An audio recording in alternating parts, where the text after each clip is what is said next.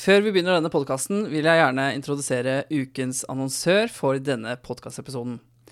ASAP Norge er et norsk selskap som er i samarbeid med helse- og omsorgsbransjen, og de har laget neste generasjons oppdekningsutstyr til sengeposter, bord, bårer og der hvor det er særlig behov for eh, søl- og væskeproblematikk. Det er norske Astrid som har utviklet dette. De holder til i Skien, og hun har tidligere vært hjelpepleier, jobbet mange år på føden og så seg lei av unødvendig søl. Så hun bestemte seg for å lage et absorberende eh, laken med høy effekt og som tåler tunge løft. Asap sine laken tåler 10 liter per kvadratmeter og har løftestyrke opp til 200 kilo. Og nå tenker jeg at det er eh, slutt på bomullslaken, ja, dere.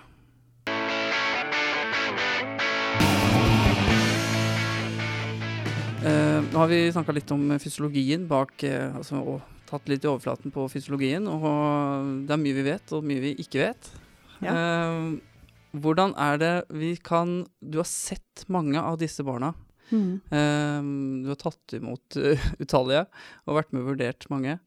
Hva, hvordan skal vi klare å vurdere barnet etter når barnet kommer ut? For man har ikke da så Ut fra guidelines så har man få sekunder til å vurdere hvordan barnet faktisk er.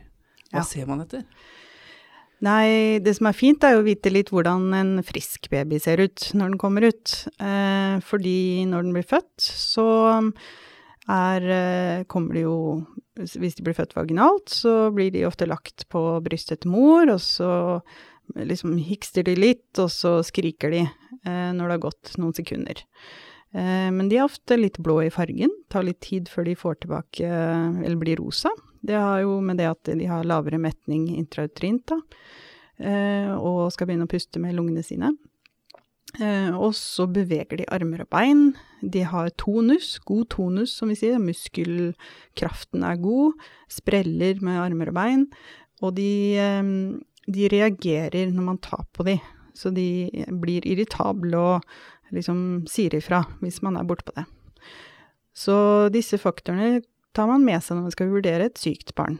Se på Man må bruke øya, og så se på hva er det vi ser. Jo, er det en baby som skriker? Er den slapp? Det er når man holder babyen i hånda, så kjenner man liksom Er det sånn et slips som henger der, bare? Det er ikke noe bevegelse, det er på en måte helt slapt. Eh, er babyen blå? Eh, For eksempel hvis du har en hvit baby, så er det et mye mer alvorlighetstegn enn en blå baby. Blå er alvorlig det, men en hvit baby, da har det vært komprimert for sirkulasjon lenge. Og de er ofte kjempedårlige og kjempevanskelig å gjenopplive. Eh, så det er jo å se på fargen. Eh, om det er eh, ja, bevegelse, noen form for bevegelse. Og når man skal begynne å vurdere babyen om den puster, se på brystet, hever det seg? Se på nesa, er det noe tegn til noe nesvingespill, eller at liksom de trekker pusten? Er det noe i munnen? Eh, noen ganger er det det vi kaller for mekonium, at de har bæsja i, i fostervannet. Eh, det er veldig sjeldent nå at vi trenger å suge mekonium bort, men det kan skje i få tilfeller. Eh, suging på gjenopplivning er jo gått helt ut, nesten. Eh, men å se er det noe i munnen som obstruerer.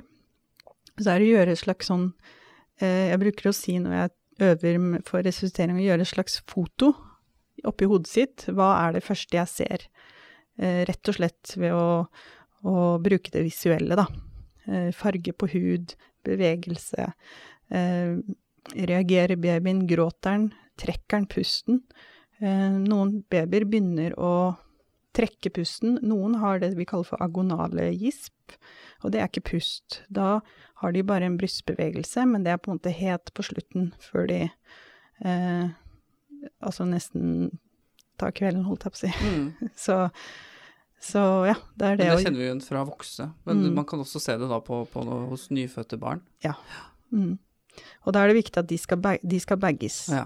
De, det er ikke pust, agonale gisp, da. Mm.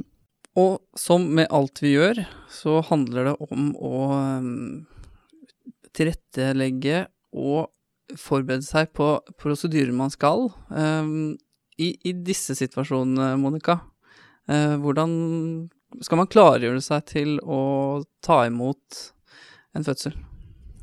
Ja, det, jeg tror det er kjempeviktig å forberede seg mentalt, eh, og selvfølgelig praktisk. Så eh, når det gjelder praktisk, så er det det å finne fram riktig utstyr. Og da er det eh, det du trenger for en fødsel, eh, som fødselskit, og det regner jeg med at dere har. Eh, håndklær, gjerne varme.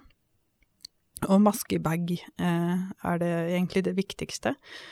Eh, og så er det jo eventuelt å vite hvor du har eh, medikamenter og an annet utstyr, sånn at du vet at du har det tilgjengelig, da. Um, mentalt tror jeg noe av det viktigste å forberede seg, uh, og det er litt ved å um, gå igjennom litt på forhånd hva er det jeg kan møte her, og hva gjør jeg eventuelt ved det. Og nå har vi jo snakket om gjenopplivning, eller snakker vi om gjenopplivning av nyfødte, og da gå kjapt igjennom algoritmen. Eh, jeg prøver å stresse når vi øver på det på sykehuset, at eh, vi også skal bruke den aktivt. Ha den tilgjengelig, den henger på veggen, og se på den.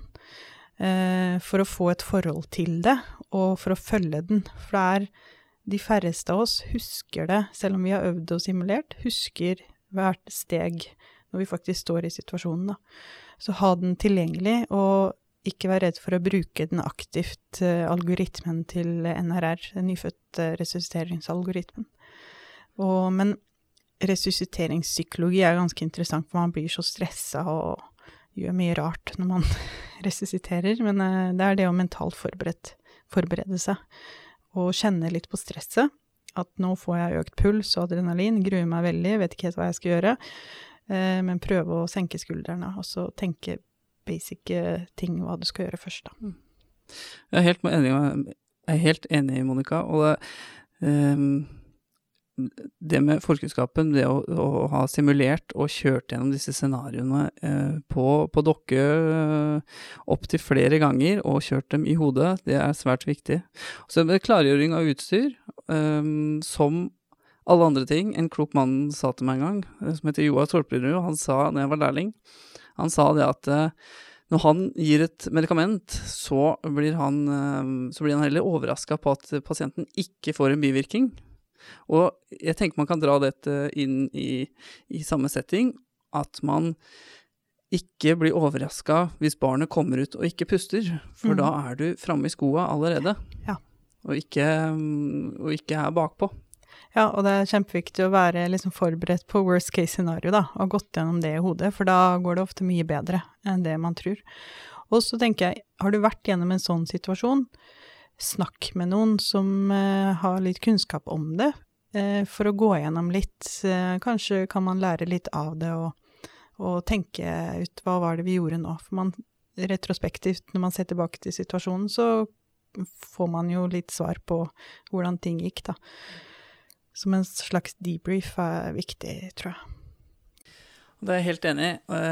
Og det gjelder ikke bare selvfølgelig nyfødtresuscitering. Være flink til å prate sammen er eh, ekstremt viktig.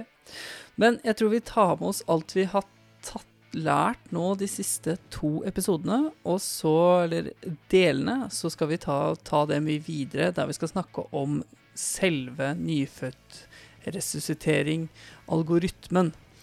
Det er noe jeg gleder meg til. Vi skal gå gjennom hvert enkelt porg, hvorfor det gjøres, og hvordan det vurderes, rett og slett. Samt så får du noen eh, tips og triks som jeg håper du kan ta med deg videre. Og um, så høres vi i neste episode.